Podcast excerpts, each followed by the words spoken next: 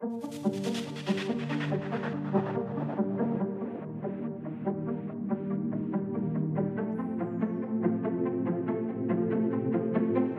hej och välkommen till Professorpodden. Detta är platsen där Högskolan Väst presenterar sina nyaste professorer och deras forskning. Jag heter Ulf Axelsson och med mig i studion finns personen som det här avsnittet ska handla om, Ali Kazemi. Ali är professor i psykologi med inriktning mot arbets och organisationspsykologi.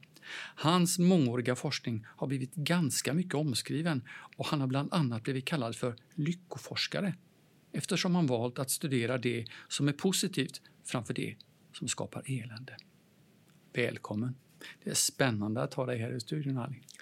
Tack Ulf, eh, det är trevligt att vara här. Eh, jag ser fram emot en givande pratstund. Först måste jag fråga, är du en lyckoforskare?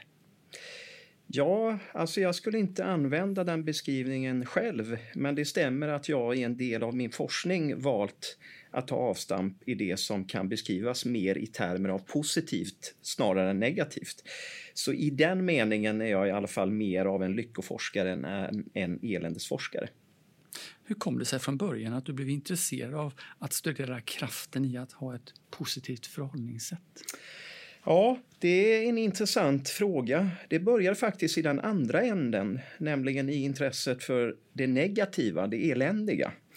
Det var ju så här att mitt intresse för psykologi som hade börjat redan under högstadietiden eh, nådde sin kulmen på gymnasiet, särskilt i samband med läsningen av Freuds psykoanalytiska teori. Och I korthet så går det ut på att det omedvetna har ett järngrepp om oss och att de första fem levnadsåren bestämmer vilket liv vi kommer att leva. Eh, och man brukar säga att inom den traditionen att pojken är mannens fader, vilket innebär då att vårt vuxna jag är produkten av våra erfarenheter i den tidiga barndomen och sen är det kört. Eh, men sen kom en vändning eh, sista året på gymnasiet när jag höll på med mitt specialarbete då, där jag med utgångspunkt i eh, frihetsbegreppet reflekterade över min situation eh, som, som invandrare och erfarenheter av ett åttaårigt långt krig och elände. Och då kan jag säga att i just frihetsbegreppet och eh, de här smärtsamma erfarenheterna eh, finns då roten till mitt intresse för det positiva. Och den viktiga insikten då att en negativ inställning dränerar oss på energi och att man aldrig kan gnälla sig till ett bättre och ett lyckligt liv. Man kan aldrig gnälla sig till ett bättre och lyckligt liv. Har du hittat på det själv eller är det ja, Freud? Det, ja, det är faktiskt... Det är inget citat utan jag citerar citat, mig själv. Ali Kazemi. Ja. Du är föreståndare för en helt ny och spännande forskningsmiljö på Högskolan Väst som förkortas POLS och som står för Positiva organisations och ledarskapsstudier. Vad är detta? Eh, ja, POLS är då den forskningsmiljö som är knuten till personalvetarprogrammet eh, och tänkt att genom sitt unika fokus på forskning kring positiva organisatoriska processer och resultat, goda ledningspraktiker och arbetssätt, men också verksamheters förmåga till positiva förändringar med särskilt fokus på förutsättningar för lärande i arbete bidra till fördjupad kunskap om ett hållbart arbetsliv. Och Ambitionen är då att åstadkomma detta genom korsbefruktning och samarbete mellan forskare från olika ämnen som bedriver såväl grund som praktiknära forskning. Och en annan ambition är också då att tillgängliggöra och sprida kunskapen till forskare och studenter, men även olika aktörer i omgivande samhälle, yrkesverksamma, chefer och beslutsfattare. Varifrån kommer idén till, till POLS? Ja, det är ett positivt komplement till eländesforskningen som fått alldeles för mycket uppmärksamhet. Eh, och POLS vetenskapliga bas är det forskningsfält som internationellt benämns Positive Organizational Scholarship och som vuxit sig starkt sedan början av millenniet. Eh, och jag vill här understryka att det positiva perspektivet som Pols företräder inte är tänkt att ersätta det problemorienterade perspektivet utan snarare är att se som ett komplement. Och med ett för ensidigt fokus på problem, brister, saker som inte fungerar i, i olika verksamheter riskerar vi att tappa fokus på det som stärker oss och att kunna se helheten. Så på det sättet så kan man säga att det positiva perspektivet hjälper oss att se helheten. Kan du ge några konkreta exempel på vad du menar med att ta tillvara det som är positivt?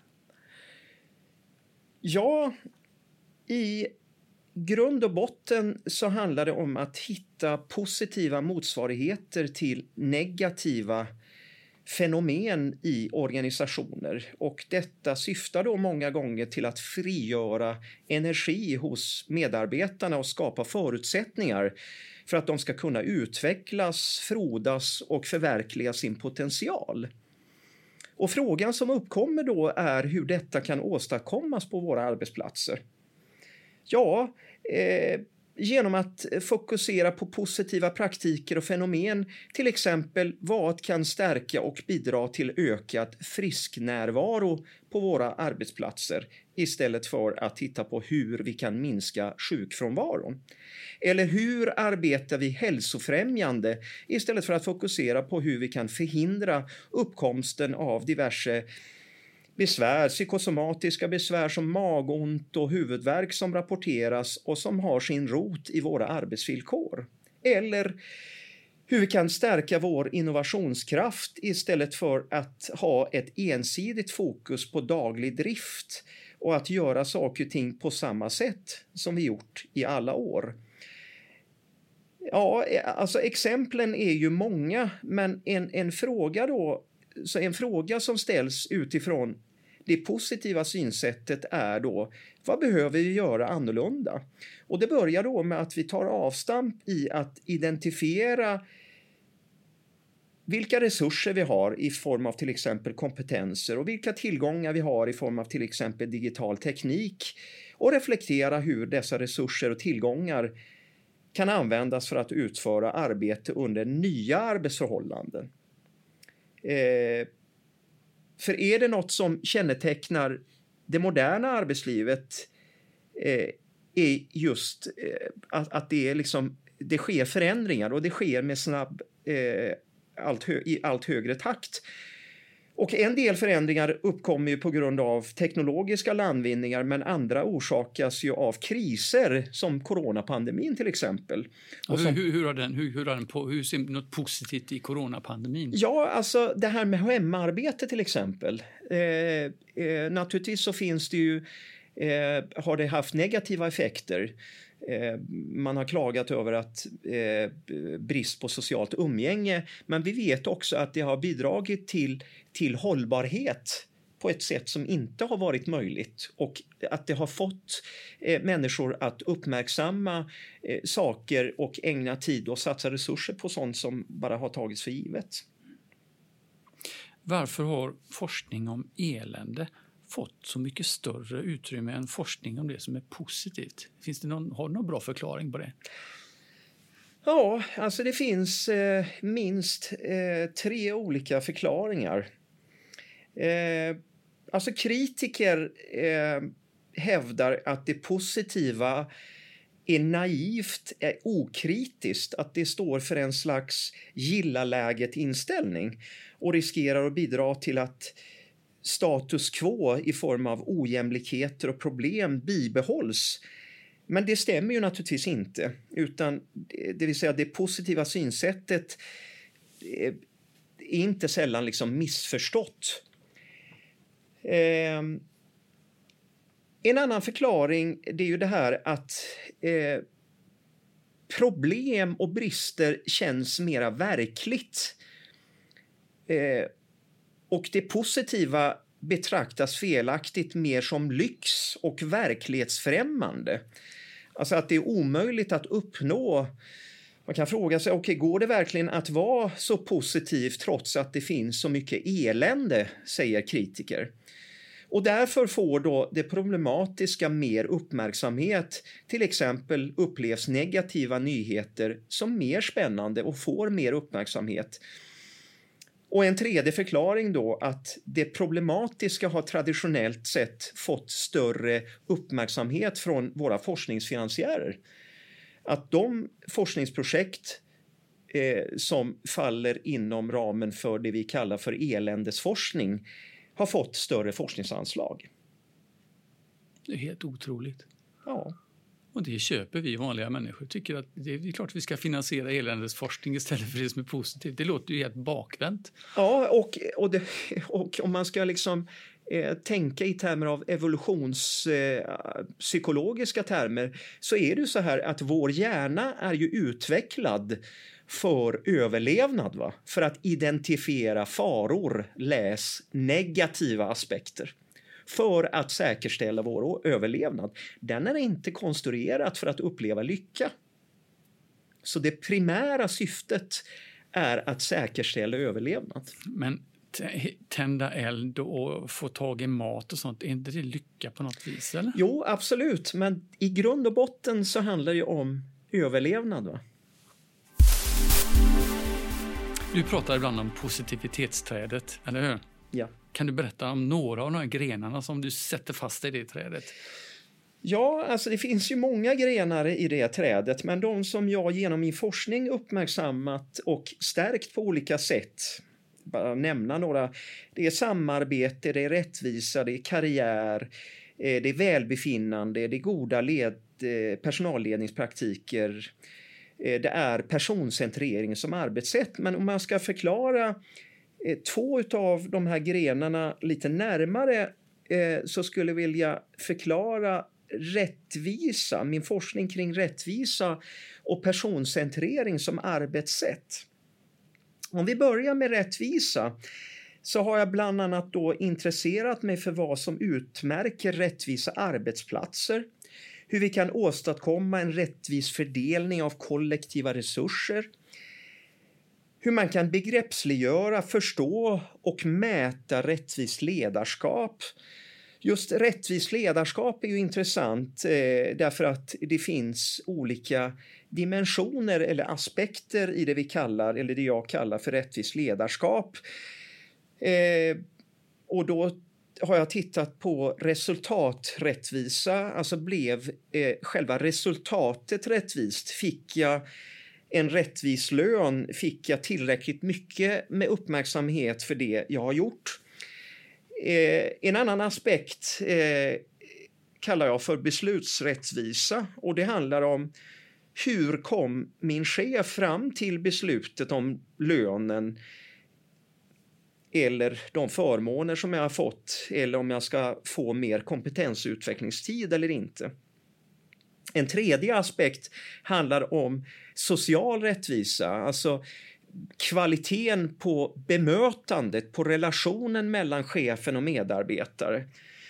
Och en fjärde aspekt då eh, handlar om hur beslut som har fattats, hur de förklaras eh, för eh, de som berörs av beslutet.